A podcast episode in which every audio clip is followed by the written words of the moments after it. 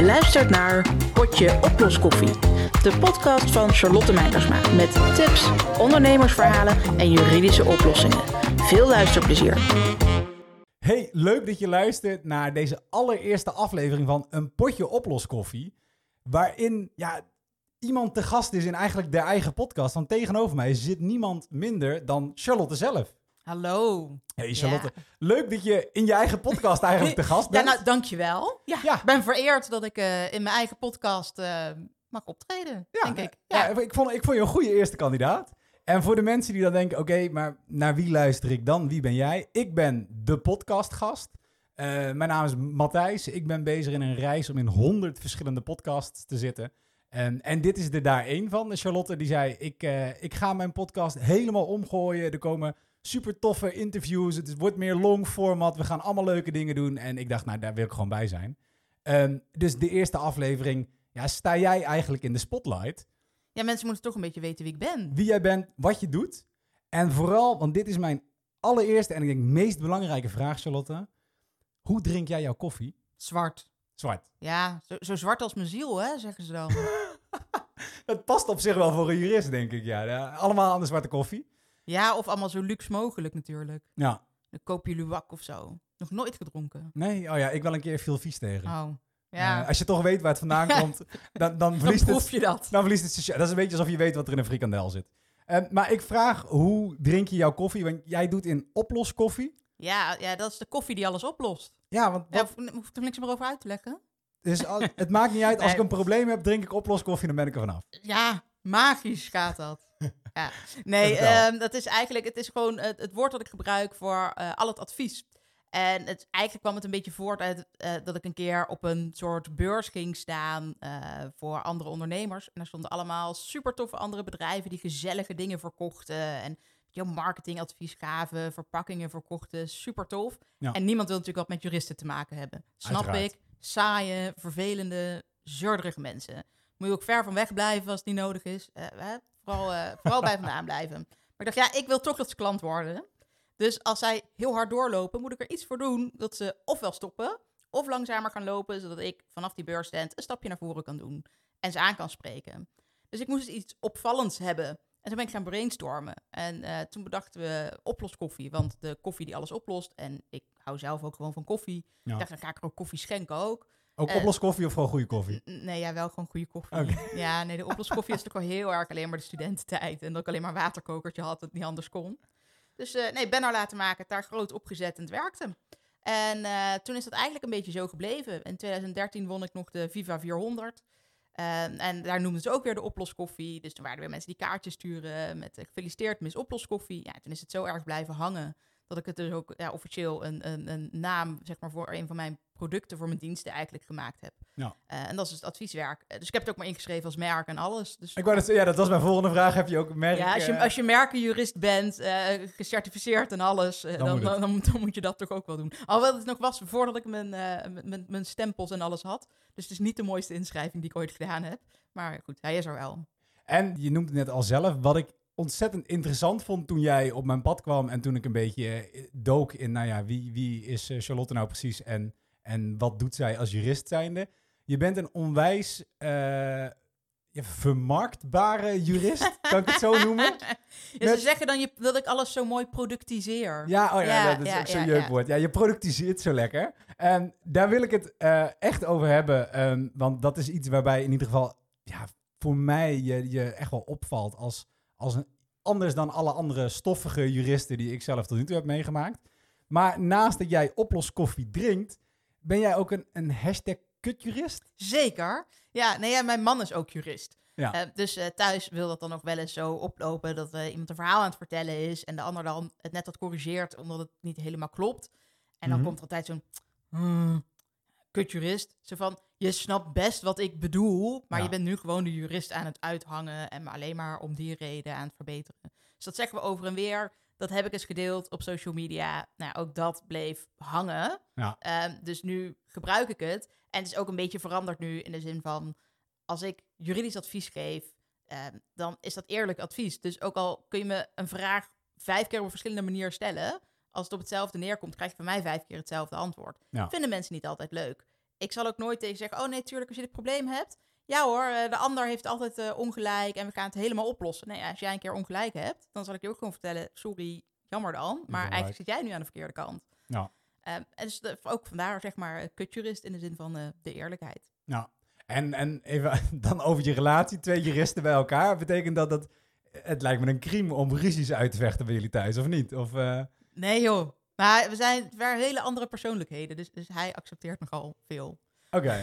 en dan, en, maar het is niet dat je inderdaad eh, elkaar op de, op de letter van de afspraken houdt en, en eh, Nee. geen, geen grijs gebied. Nee, het ja, gaat ik, allemaal ik, heel ik, ik, misschien, ik hou hem misschien wel op die manier aan de afspraken, maar andersom niet. En dat eh, werkt dus heel goed. Oké. Ik ben als, als podcastgast, ik noemde het net al even, nou ja, op weg naar honderd verschillende podcasts. Omdat ik vind, het, ik vind iedereen interessant. Ik denk dat ieder mens is interessant als je de juiste vragen stelt. En ik ben altijd benieuwd naar waarom mensen denken wat ze denken en waarom mensen doen wat ze doen. Waarom ben jij jurist geworden en, en waar begon dat? nou, ik wilde eerst denk ik vooral journalist worden. Oké. Een paar Eh, en ehm, eh, ja, nee, ja, dat, ik, ik denk dat het vooral heel erg voortkwam uit dat, dat, dat ik op school of zo, als er dan een regel was, oké, prima, dan is dit de regel, gaan we ons daar allemaal aan houden. Ja. En, maar als die dan niet werd toegepast als de regel gemaakt werd, vond ik dat vreselijk irritant. Ja, Ja. hoezo? Wacht nou even. Dit hadden we afgesproken, dit was de regel. Hoezo geldt die nu opeens voor mij niet en voor iemand anders wel, of andersom? Eh, dit werkt zo niet. En toen dacht ik natuurlijk nog super zwart-wit. Ik was een kind. Ik dacht gewoon, dit is de regel. En daar zit geen marge aan. Nee. Geen grijs Geen gebied. grijs gebied. Nee. Nee. Ehm, dus daar is denk ik wel een beetje uit, uit voortgekomen. Uit een soort van eh, onrecht en dat soort dingen. Dat je, dat je dan nog denkt dat dat soort dingen dus ook op te lossen zijn als je rechten gaat studeren. Ja. En, ehm, En dan, eh, want ik bedoel, er is voor jou, van jou op internet natuurlijk al zat te vinden. Maar als je even jou, jouw loopbaan samenvat in drie minuten. We zitten toch in de eerste officiële eh oploskoffie podcast. Eh, jij bedacht toen op de middelbare school, ik wil jurist worden. En, en hoe ziet dat er dan uit tot, tot waar je ongeveer nu bent? ja, ja, ik denk dat ik dat zelfs al op de basisschool bedacht. Zo vroeg al. Ja, ja, ik geloof het wel. Want ik, ik kan me nog wel herinneren dat er namelijk allemaal klasgenootjes waren die zeiden: Oh, dan word je dus rechter. Nee, er zijn nog veel meer beroepen als je rechten gaat studeren. Ja. Ehm, en net zo, zo zoiets, hè, als je nu gaat studeren, dan is het dan wel net alsof je alleen maar advocaat kunt worden. En anders is het, als je geen advocaat wordt, wat word je dan? Ja. Laatst nog een artikel waar, waar die vraag zo ingesteld werd. Ehm, ja, dus ik, ben, eh, ik heb me altijd wel een beetje die richting op bewogen. Dus ook met alle keuzes op de middelbare school. Dus van, nou ja, ik wil toch wel rechten gaan studeren. Of in elk geval wordt het wel iets een beetje die kant op. Mhm. Ehm, ja, dus ook op basis daarvan is ook eh, vakken gekozen, et cetera. Ehm, het was alleen een beetje lullig dat ik uiteindelijk van eh, het VWO naar de HAVO gestuurd werd. Dus dat was een beetje een probleem. Ja. Want toen bestond HBO-rechten ook nog niet echt. Ehm, dus, dus toen me helemaal daarin verdiepte van, nou ja, oké, maar weet je, zo meteen weer opklimmen naar het VWO, ik ook eigenlijk geen zin in. Dat ik dacht, ja, jullie hebben er helemaal bij genaaid hier. Ga je ook geen jaar langer doorbrengen dan nodig. Ja. Dus dacht ik ook, nou oké, maar de- HBO-rechten was er toen wel, ik geloof, eh, in Tilburg en in Amsterdam. En toen een jaar later kwam het bijvoorbeeld ook in Utrecht. Nou, uiteindelijk gekozen, ga ik dat mooi in Utrecht doen. Ik haal een propedeuse en ga daarna naar de universiteit. Zeiden ze daar, moet je niet doen. Want echt maar 2 tot 4 procent van de mensen die haalt dat als ze zo'n overstap maken. Dus zei ik, nou ja, prima. Je hebt toch genoeg, mensen ja. nodig die die 2 tot 4 procent vullen. Weet je, laat ik er daar dan eentje van zijn. Ehm, dus toen ben ik dat gaan doen. En eh, nou ja, gewoon bachelor gehaald, eh, nou, master kiezen, dat gedaan. En toen had ik eigenlijk nog wel iets langer willen studeren. Maar eh, volgens mij was het toen zelfs eh, Mark Rutte die eh, de langstudeerboete in het leven wilde roepen. En zei, ja. Ja. wacht even, iedereen die te lang studeert, die gaat vanaf september gewoon extra betalen en geen normaal collegegeld meer en dat soort dingen. Ja. ja en door dat eh, HBO-traject, zeg maar, dat ik ook nog een jaar HBO had gedaan en ik was het studeren een beetje verleerd, dus die propedeuse heb ik toen twee jaar over gedaan. Ja, toen werd het toch een beetje te veel studeren als ik nog door zou gaan. Dus toen heb ik opeens mijn scriptie in zes weken gepropt, ingeleverd, afgestudeerd. En toen was het in september, oh ja, trouwens, die langstudeerboete doen we toch niet meer. Nee. Maar ja, toen was ik al klaar. afgestudeerd. en toen dacht ik, laat nu ook maar zitten. Toen was ik ook eigenlijk al bezig met eh, het hele oprichten van eh, de onderneming die het nu is. Want jij bent meteen vanuit je opleiding eigenlijk voor jezelf begonnen en je Ja. besloot een ondernemer te worden. Ja, want nou, ik had in 2009 eh, me wel al ingeschreven bij de Kamer van Koophandel, maar als fotograaf. Oh, Ehm, je, ja. bent van, je bent van alle markten thuis, joh. ja, nou ja, ik vond dat fotograferen altijd heel leuk. Ehm, dus dat was ook, toen ik het huis uit was, was dat ook het eerste waar ik mijn geld aan uitgaf. Van oké, er moet een spiegelreflexcamera kopen, Ja. komen. En toen was het toen nog, oké, ik kan of voor een slechte digitale camera gaan, of voor een goede, maar gewoon nog met filmrolletjes. Dus Mhm. daar is dat ook gewoon mee begonnen. Ehm, dus nou ja, weet je, op een gegeven moment krijg je dan opdrachten. En ja, is toch wel handig als je bij de Kamer van Koophandel ingeschreven staat. Dus daar is dat eigenlijk een beetje uit voortgekomen. Ehm, en toen was het dus toen ik af- klaar was met afstuderen aan mijn master. dacht ik, ja, oké, eigenlijk zou ik het allebei wel gewoon nog willen doen. En fotografie en als jurist werken. Nou ja, en waar kan dat dan? En dat eh, toch wel bepaalde ambities in hoe ik als jurist wilde werken. Mhm. En daar kon ik ook eigenlijk geen goede bedrijf of advocatenkantoor of iets dergelijks bij vinden. Waar je als starter ook al part-time zou mogen beginnen. Ik had eigenlijk ook al een beetje bepaalde ideeën over marketing. Nou, dat past natuurlijk in advocatenkantoor al helemaal niet. Als je gewoon voor een bedrijf gaat werken, ja, dan heb je daar hele marketingafdelingen. eh, daar heb je al helemaal niks meer over te zeggen. En dan ben je toch een beetje eh, de, de, de pennenlikker of de papiervreter, zeg maar. Ja. Ja, weet je, dit, eh, eh, dit wordt hem niet. Ik, ik wil dit gewoon voor mezelf doen. Toen ben ik wel met heel veel mensen nog gaan praten. Oké, maar wat als dit nou mislukt? Ja. Word ik dan nog wel ergens aangenomen? En toen zei iedereen juist nee. Maar als je dan je kop zo boven het maaiveld hebt uitgestoken, dan word je Dan word je juist, wel ergens aangenomen. aangenomen. Ja. Dus toen dacht ik, oké, dan, dan waag ik gewoon de stap. Dus eh, mijn ouders vonden het niks. Eh, mijn afstudeerdocent vond het niks. Ehm, iedereen was er tegen, behalve eh, mijn vriend en, en zijn ouders, zeg maar. dus eh, Toen dacht je, ik begin voor mezelf. Ja. Is dat niet super moeilijk in iets als juristenland? Om, om je, bedoel, je, bent, je bent een broekie, right? Ja. Wat, ja, wat Ja. weet jij nou buiten alles wat in je schoolboeken stond de afgelopen vijf en jaar? niks. Nee, daarom. Nee. Is dat niet? Dat lijkt, mij, dat lijkt mij echt oprecht een van de moeilijkste beroepen om meteen zelfstandig Ja. in te worden. Het- Ik denk ook dat het eigenlijk heel onverstandig is. Terugkijkend. Ja?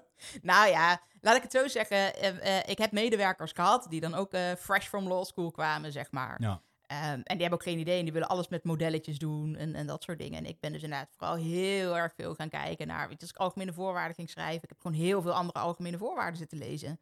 Oké, hoe zitten die dingen nou eigenlijk in elkaar? Ik ben Ja. eigenlijk gewoon door blijven studeren. En je doet over alles gewoon tien keer zo lang. Ja, nou prima. Ja. ja, als je de tijd hebt, het maakt je verder niet uit, dan is het natuurlijk een, een prima manier. Nee, ja, ik, ik, ik leefde natuurlijk nog op zeg maar, een inkomen dat ik als student had. Ja. Dus En dan kan je het lang rekken en dan, Ja. dan scheelt het natuurlijk Ja. best veel. Maar ja, ik vind het super dapper, want eigenlijk wist ik niet eens dat je, dat je inderdaad zo snel meteen zelfstandig was geweest. Maar dan zit dat ondernemen, zat toch ook wel echt in je, in je bloed. Iets wat je volgens mij wel heel erg terugziet in jouw eh, productualiseren. Ja, kennelijk. Maar het ondernemers, ik heb geen ondernemersbloed of zo. Het zit niet in de familie, eh, niet eh, vanuit huis uit meegekregen. Dat was toch meer gewoon, je gaat studeren en je zoekt een baan en dat is wat je gaat doen. En dat hoeft geen 40 jaar. Kan best zijn dat je van baan zou wisselen een aantal keer. Whatever, helemaal prima. Maar het gaat gewoon, ja, dat is hoe het gaat. Je gaat naar school en dan studeren en je gaat werken. En, Ja. het, eh, zo, zo zou dat gaan. Dus het- ja, mijn ouders waren daar niet per se, eh, stonden er niet om te springen. En eh, ze hebben ook niet gezegd echt van je moet het niet doen of zo. Maar we- er kwam ook geen steun vandaan, zal ik maar zeggen. Nee. Nee. En dan, want, nou ja, goed, je, je hebt duidelijk, doe jij echt iets goed. Ehm, als je kijkt naar, nou ja, vanaf je, eh, van, vanaf je school zelf beginnen en uitbouwen tot, eh, tot de praktijk die je nu hebt. En, eh, en, en misschien ook wel het succes, als ik het zo mag noemen. Wat doe jij anders dan andere juristen? Nou ja, ik laat me dus vooral niet in een keurslijf duwen. Hè, dus het is nogal, als je jurist wordt, wat ga je dan doen? Nou, als je zelfstandig jurist wordt of bij een advocatenkantoor, dan heeft iedereen het altijd over het procederen. Ondanks dat het grootste deel van de advocaten ook eigenlijk helemaal niet procedeert, hè, tenzij je strafrechtadvocaat bent of zo.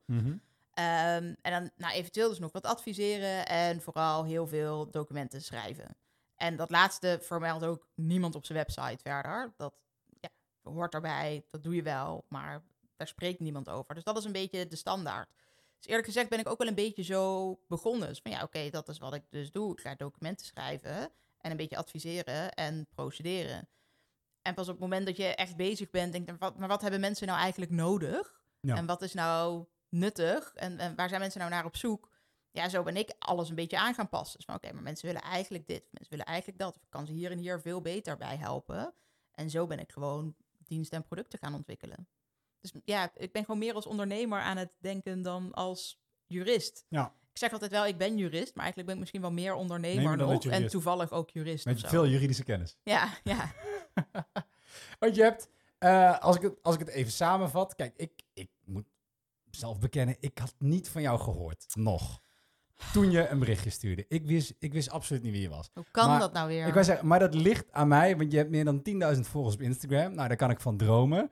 Eh, in 2018 en 2019 kwam je bijna iedere week in de media. Dus ik heb je Meer dan, ongetwijfeld... ja. meer dan iedere week, sorry, in, in de media. Je hebt meerdere boeken geschreven. De, op het, staat op het punt om een nieuw boek nog uit te brengen. Ja, op het Eh, moment van opnemen wel. Ja. Ja, op het moment van opnemen, ja, op het moment dat dit uitkomt, dan zal die, dan zal Dan, die dan ligt de in elk geval bij mij op kantoor, op zijn minst. ja. Ik heb zelf heb ik natuurlijk je, je proefdruk eigenlijk gelezen. En ik vond het onwijs interessant. En ik wil het daarom ook echt even met jou over je boek gaan hebben. Want ik begon in jouw boek. Het heet echt, echt ondernemen trouwens, voor de Ja. mensen die het willen. Ik begon in het eerste hoofdstuk, las ik. Als je niet misbaar bent en geen team hebt, dan ben je geen ondernemer, maar dan heb je een baan voor jezelf gecreëerd. Ja, dat is niet mijn uitspraak. Ik wou net zeggen, en ik dacht, fuck, ik heb een baan voor mezelf gecreëerd. Want ik ben zo'n ondernemer. Ik heb geen personeel. Ik geloof heel erg in het oude Chinese gezegde. Ik wens, je, ik wens jou heel veel personeel ja, toe. of Joods. Ja. Eh, ja, ja, Jootje, ik, ma- maakt niet uit van wie het wist. Volgens mij, dit is al zo vaak gebruikt, er zit er geen rechten meer op, Nee, denk ik. nee, zeker niet. Je begon met die quote. Jij had zelf, zei je, je had ook ooit personeel. En dat heb je nu weer niet. Kan je, waarom niet? Waar gaat dit eerste hoofdstuk over? Eh, nou ja, dat ik echt geen medewerkers meer heb. ehm, eh, dat, dat is, eh, ik, ik zat gewoon bijna in mijn tweede burn-out. Dus toen was het een soort van, of de medewerkers weg, of de toko gaat failliet. Ja. Ja, kies maar, bij wijze van spreken. Ehm, dus het is niet dat ik letterlijk de medewerkers heb, heb laten kiezen. Maar nou, ik had één juridisch medewerker en die had een, een vriendje in Eindhoven. Ze wilde waarschijnlijk toch wel niet echt in Den Haag blijven. En ik had nog een office manager. Eh, dus ik heb tegen haar vooral echt moeten zeggen: Ja, sorry, maar ik eh, moet het contract ontbinden. En eh, nou ja, je krijgt nog geld mee. En eh, hè, we het vooral daarover hebben wanneer je weg wil en, eh, en, en hoeveel geld het wordt, zeg maar. Maar eh, ja, er valt eigenlijk weinig meer aan te doen. Begreep ze ook wel. Ja. Ehm, en dat was toevallig vlak voor corona ook.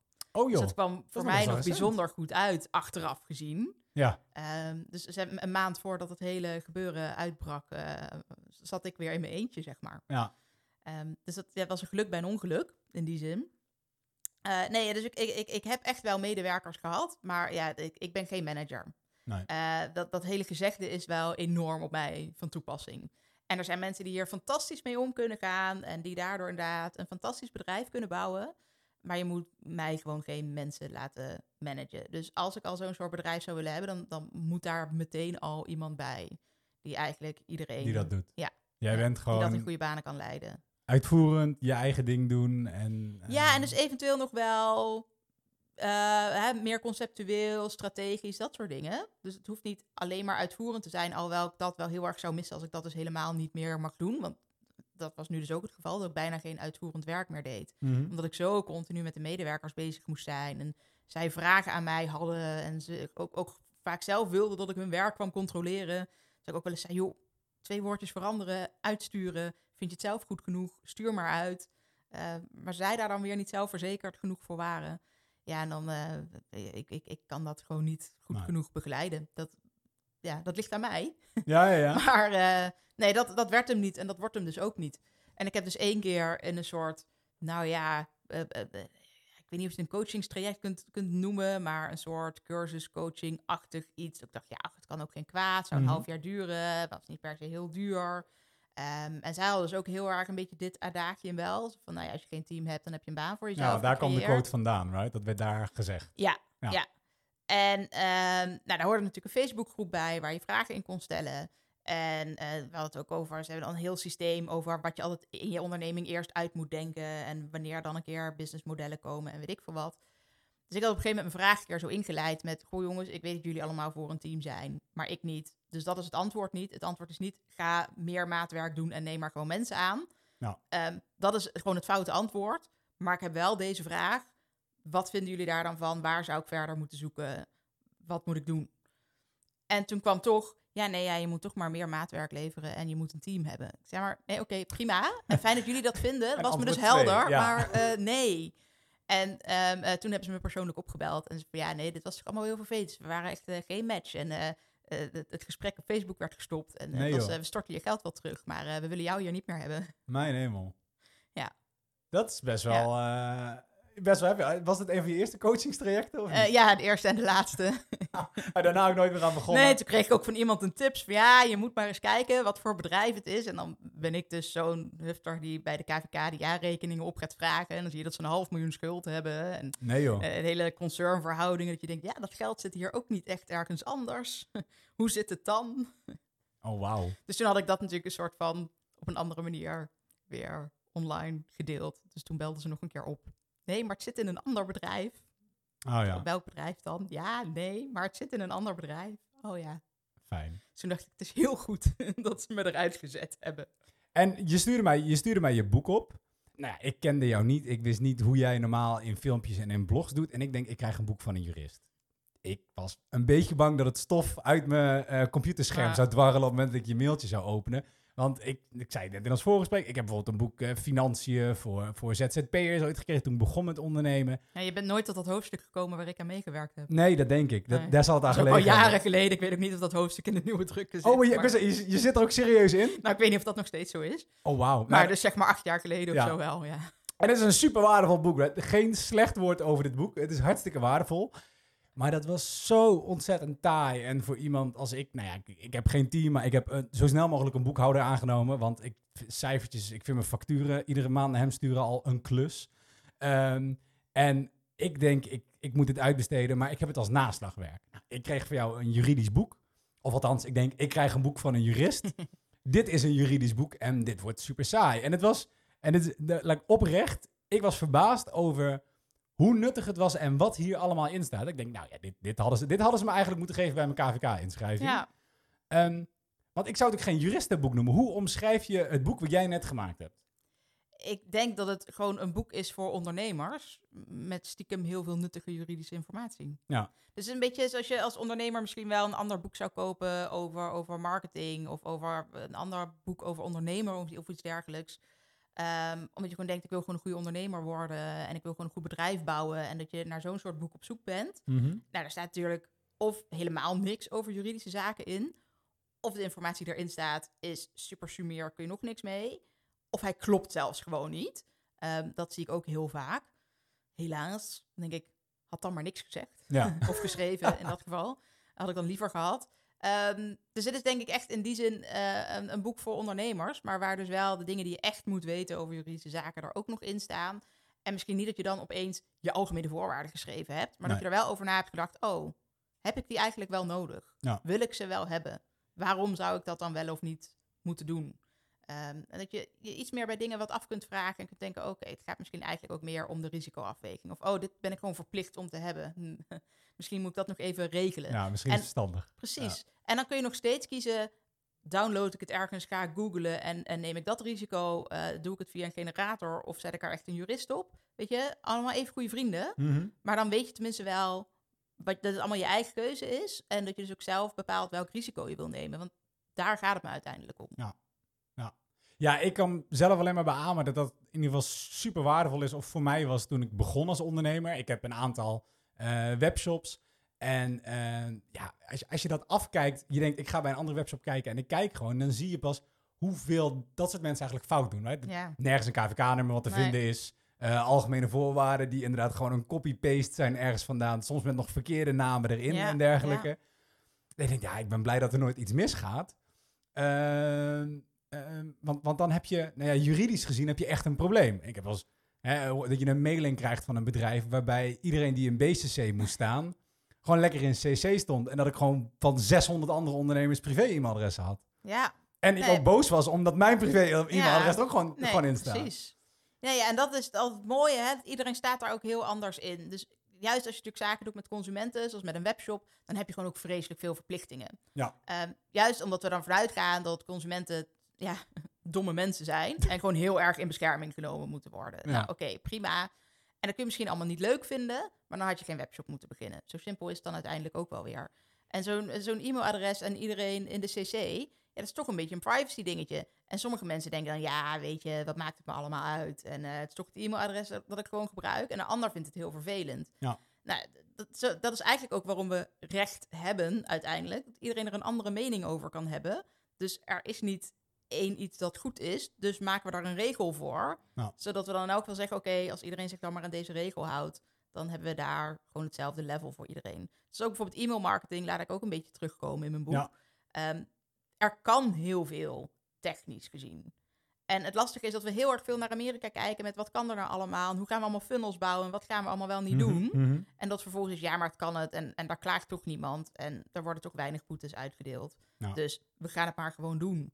En dan denk ik wel eens, oké, dus je gaat het eigenlijk alleen maar doen omdat het kan. Want de pakkans klein is. Precies. Maar hoe zit het dan als je zelf aan de andere kant zit? En ja, misschien dat je dan bij e-mail marketing dat dus ook dan denkt, ja, dat vind ik dan niet erg. En dan klik je gewoon op uitschrijven en dan is het klaar.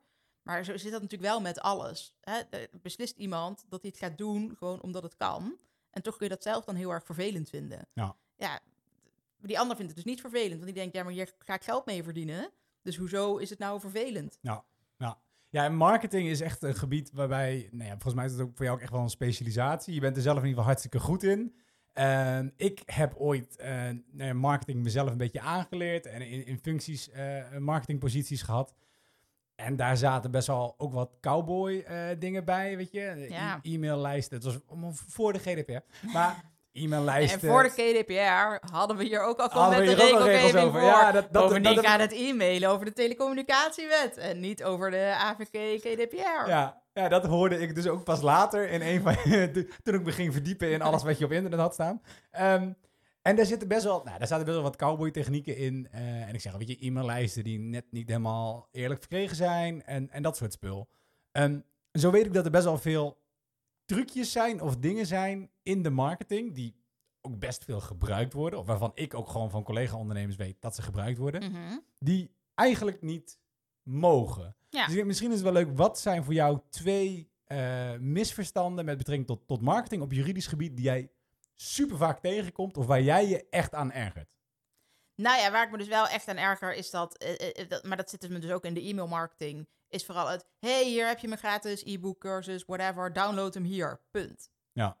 En vervolgens word je overspoeld met de mailtjes, het liefst dagelijks of twee keer per dag, of eerst drie per week en dan één per dag en dan vijf per dag. Ja. Ehm, en dan denk ik, wees er, wa- wat is nou het probleem van hier ook gewoon eerlijk over zijn? Behalve dat het niet mag, dan denk ik, zeg nou gewoon, schrijf me in voor de, e- schrijf je in voor de e-mails en ontvang dit gratis boek.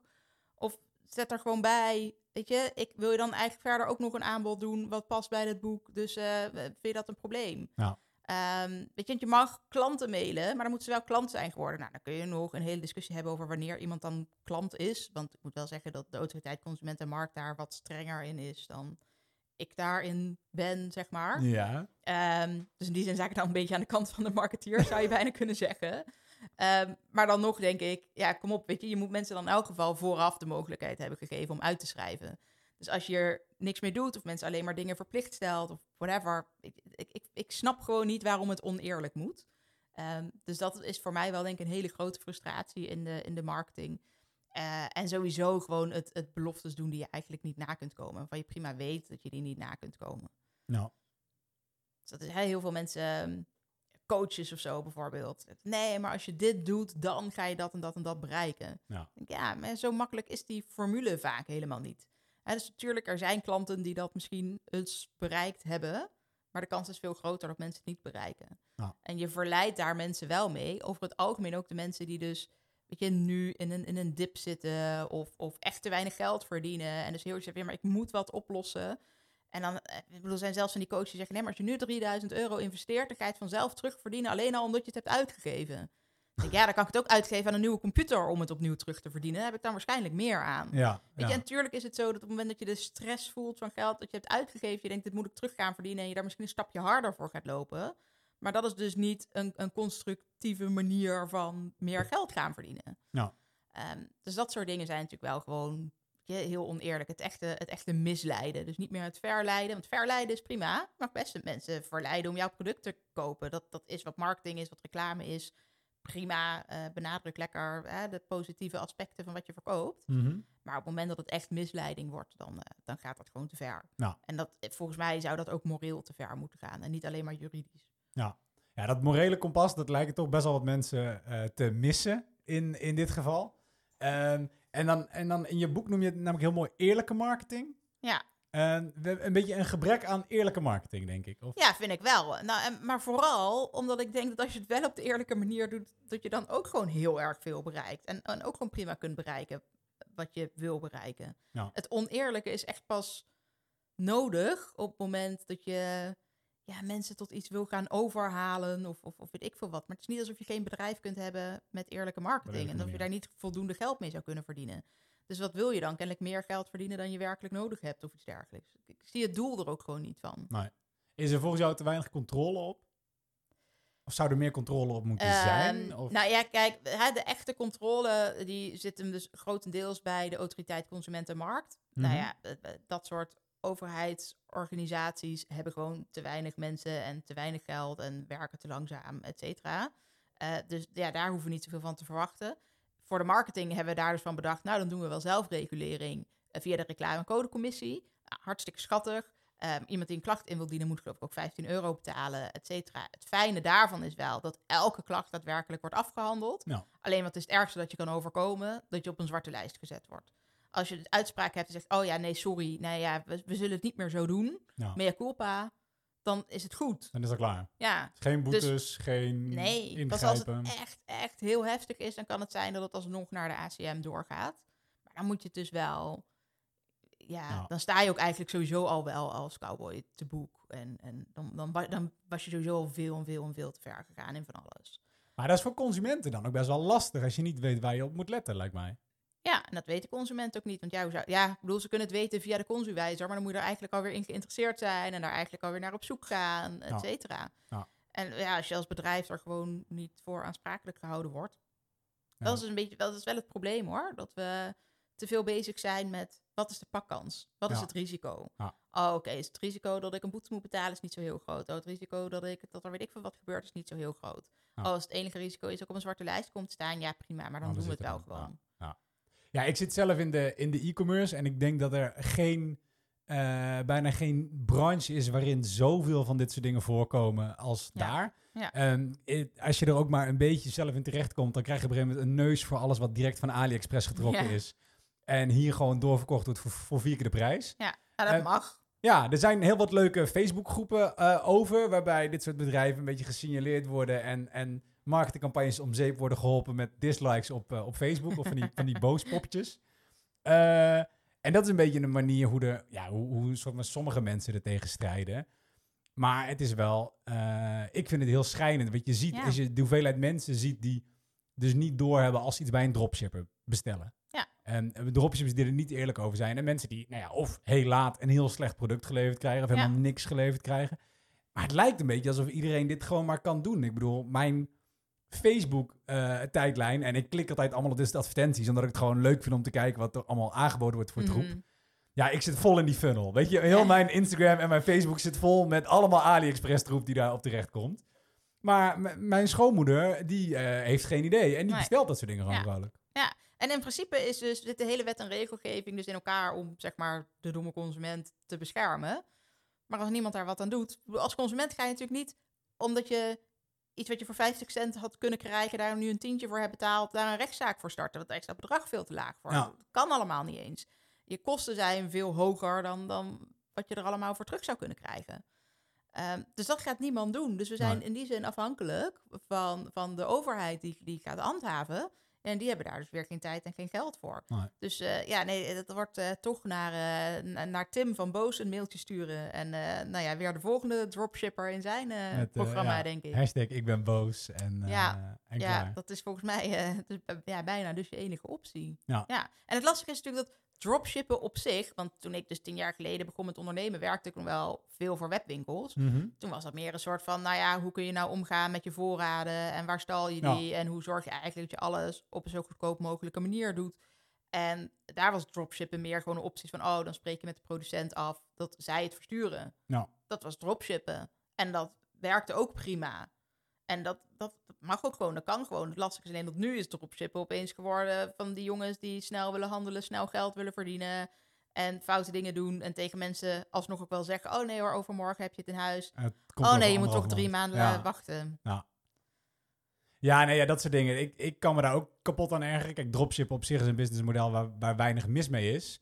eh, op het moment dat jij binnen drie, vier, vijf dagen kan leveren. Of je in ieder geval kwaliteit levert. Ik bedoel, Ja, hè. Als, ik, als ik een bank bestel, dan wordt die ook pas gemaakt op het moment dat ik de bank bestel. En dan moet ik anderhalve maand wachten. Maar dan krijg je in ieder geval wel een fatsoenlijke bank. In plaats van dat ik gewoon troep krijg die ik voor 50 cent had kunnen bestellen. En je weet het van tevoren. Er wordt gewoon bij vermeld. Top, je kunt deze bank bestellen, maar dat gaat zo en zo lang duren. En als het langer gaat duren, dan melden ze dat als het goed is ook gewoon van tevoren. En het probleem met deze jongens is dat we eh, eigenlijk doen alsof je het heel snel in huis kunt hebben en dat dat vervolgens allemaal niet kan.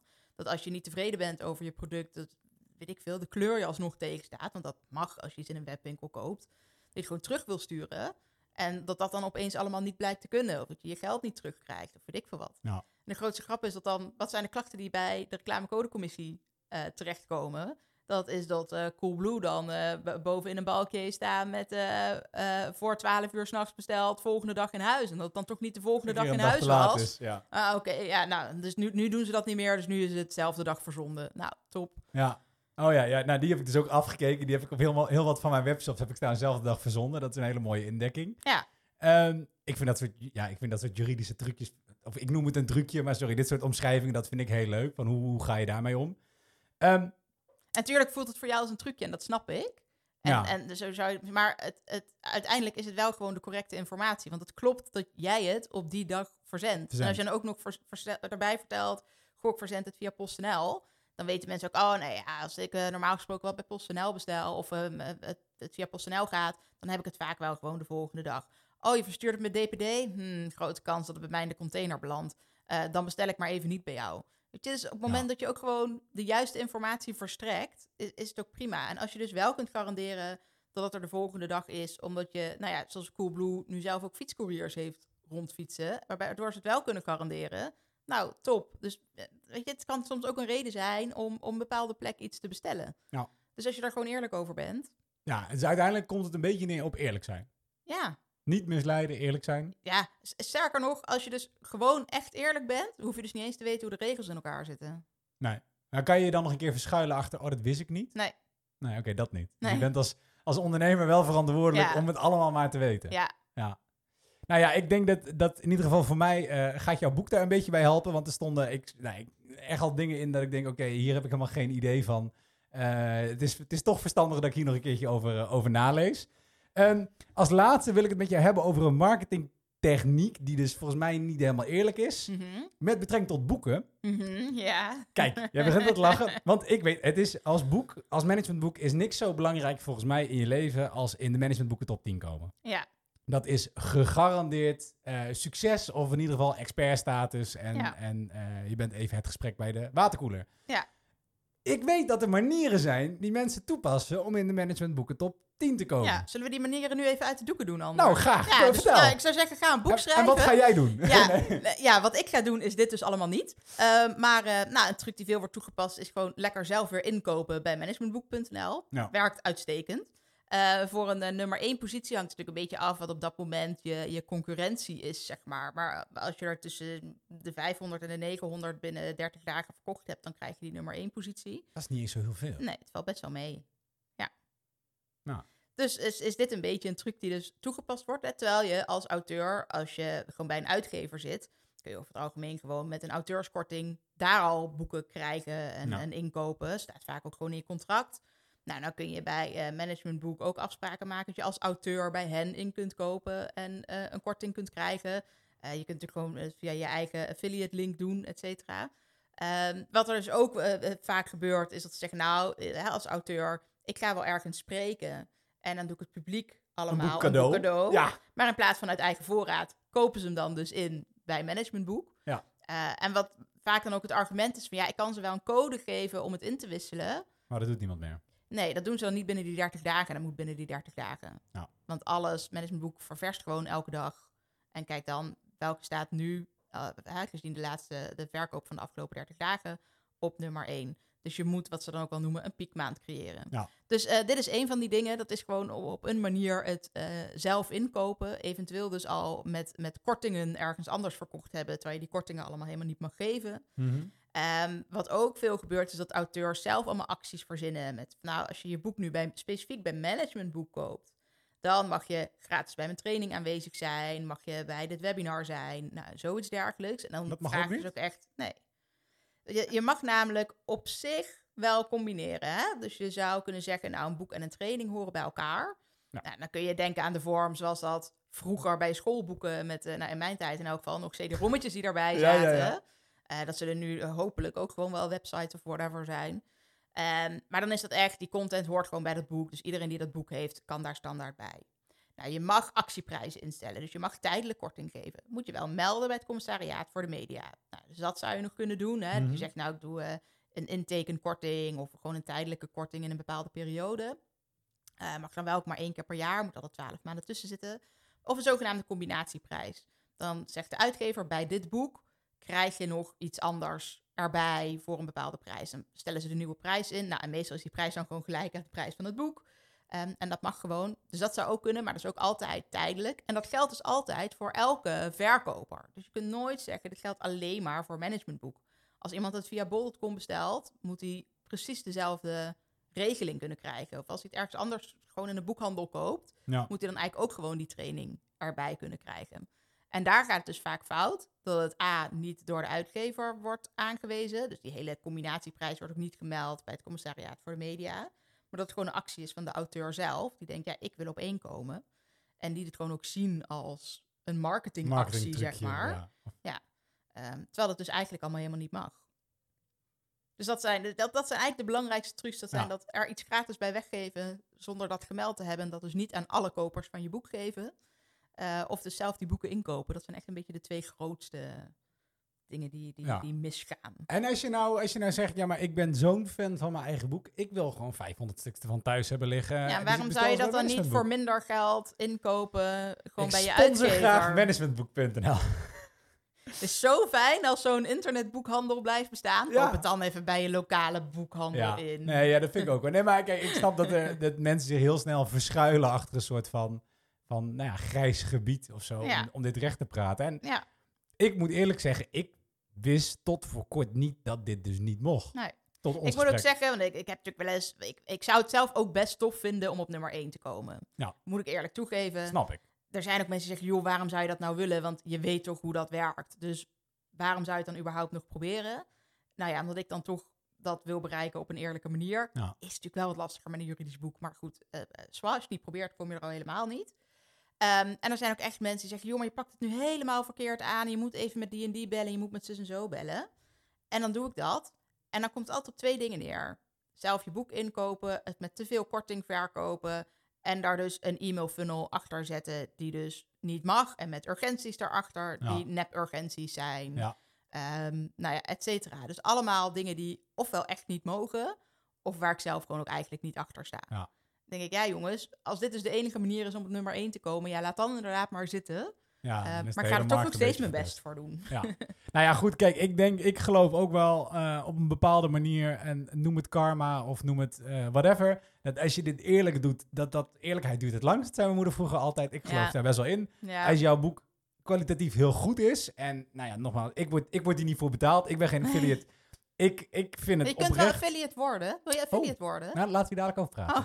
Goed. Nee, ik, eh, ik vind het oprecht een heel goed boek. Dus ik denk dat je, dat je nou ja, dan hopelijk vanzelf daar komt. Als je niet in een maand zit waarbij je dus moet concurreren met mensen die... Ja. eh, die Ja, eh, en dat is dus dan wel een beetje... Hij komt natuurlijk in de zomer uit. Ja. Ik hoop dat normaal gesproken... is het natuurlijk altijd rustig in de zomer met Ja. boekverkopen. En met boeken die uitkomen. Dat is dit jaar heel duidelijk heel anders. Oeh. Maar normaal gesproken zou dat er dus voor kunnen zorgen... dat omdat er gewoon minder nieuwe boeken uitkomen... dat het daardoor wat makkelijker is om op nummer 1 te komen. Dat je dan net iets minder verkopen nodig hebt om, eh, om daarop terecht te komen. Nou ja. Dus dat je dan wat, minder, wat meer richting de 500 zit en wat minder richting de 900. Nou ja, ik geloof dat dat er dus niet in zit. Maar eh, eh, we gaan het zien. Gaat meemaken. Ja. Ik ga in ieder geval mijn best doen om je, je, je te promoten bij alle ondernemers die ik ken. Ehm, ik ben, want we zitten al zo'n beetje op de tijd die we, die we voor deze podcast hebben staan. Dus ik wil hem langzaam afsluiten. Dat betekent voor mij dat ik jou ook een vraag wil stellen die ik eigenlijk iedereen stel met wie ik podcast. En dat is namelijk, ja, ik zei het aan het begin, honderd verschillende podcasts. Ik vind het eigenlijk leuk om te weten waarom iedereen doet wat hij doet. Nu heb jij een podcast kanaal, maar dit zijn tot nu toe eigenlijk allemaal kleine afleveringen. Vanaf Ja. nu komt daar echt, echt een, wat ik echt een podcast noem. Ja, ja ik Eh, ook hoor. Ja, oké. Maar dus dan is mijn vraag aan jou. Waarom ben je gaan podcasten?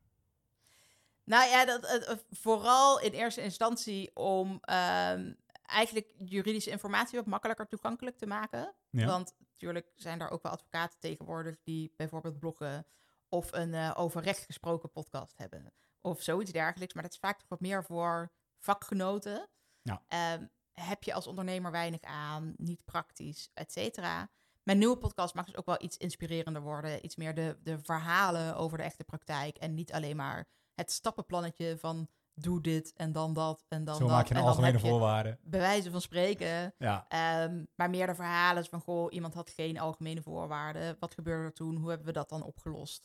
Ehm, hè, is dat dus inderdaad een risico dat je überhaupt wel wil voorkomen? Of zeg je, ja, nee, weet je, als dit het ergste is wat er kan gebeuren, dan vind ik zo'n alternatieve oplossing eigenlijk veel prettiger. Ehm, het, zo zit ik er namelijk ook als jurist altijd in. Je hoeft niet alles juridisch op te lossen. Het gaat erom dat je een oplossing vindt die bij je past en waar je zelf achter staat. Ja. Nou, dus die podcast mag ook wel wat meer over dat soort overwegingen gaan.